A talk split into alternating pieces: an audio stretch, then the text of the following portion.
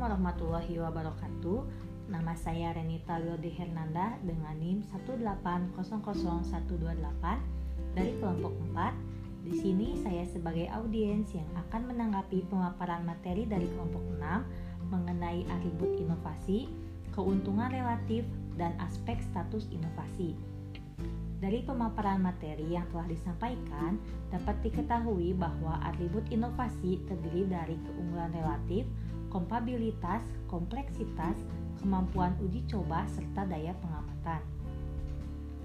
Kelima atribut ini sangat penting karena dengan adanya penerapan kelima atribut ini menyebabkan meningkatnya nilai adopsi dari inovasi tersebut terdapat beberapa pendekatan yakni ekstrapolasi dari tingkat adopsi inovasi masa lalu ke masa depan untuk inovasi lainnya. Yang kedua, ada menggambarkan hipotesis dari inovasi kepada pengadopsi potensia dan menentukan atribut yang dirasakannya sehingga dapat memprediksi tingkat adopsi.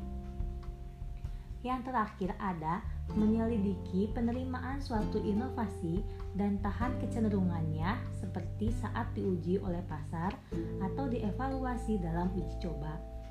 Mengenai keuntungan relatif, dinilai dari sejauh mana inovasi dianggap menjadi lebih baik daripada ide yang menggantikannya. Tingkat keunggulan relatif sering dinyatakan dalam profitabilitas ekonomi, dalam pemberian status, atau dalam cara lain. Selanjutnya, mengenai aspek status inovasi, dapat diketahui bahwa salah satu motivasi bagi setiap individu mengadopsi inovasi adalah keinginan untuk mendapatkan status sosial. Untuk inovasi tertentu, seperti mode akian baru, prestis sosialnya disampaikan kepada pemakainya. Banyak dari individu yang mengedepankan prestis bahwa itulah yang mereka cari individu-individu tertentu yang mengadopsi inovasi pada waktu tertentu atau adopsi musiman lebih termotivasi oleh pencarian status sosial daripada nilai kegunaannya. Dampak buruknya, mereka yang berpenghasilan rendah memaksakan diri untuk membeli prestis dari barang tersebut.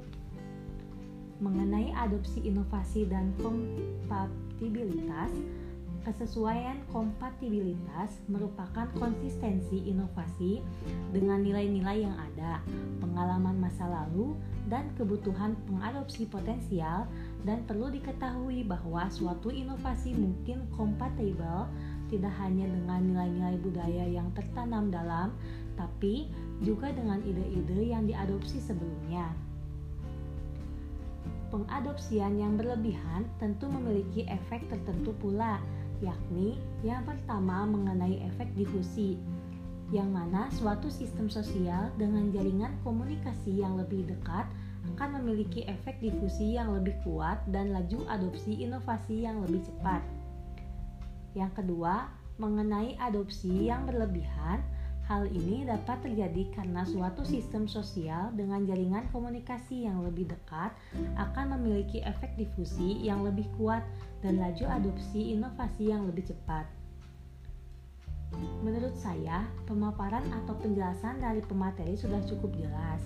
Namun, saya ingin bertanya mengenai hal yang telah disampaikan pemateri telah disampaikan bahwa terdapat lima atribut inovasi yang mana kelima atribut ini sangat penting dalam sebuah inovasi. Yang ingin saya tanyakan bagaimana apabila terdapat salah satu atribut yang tidak lengkap dalam inovasi tertentu. Misalnya, tidak adanya daya pengamatan yang kuat. Apa yang akan terjadi terhadap inovasi tersebut dan apa yang harus dilakukan? Sekian dari saya. Terima kasih. Kurang lebihnya mohon maaf. Wassalamualaikum warahmatullahi wabarakatuh. thank you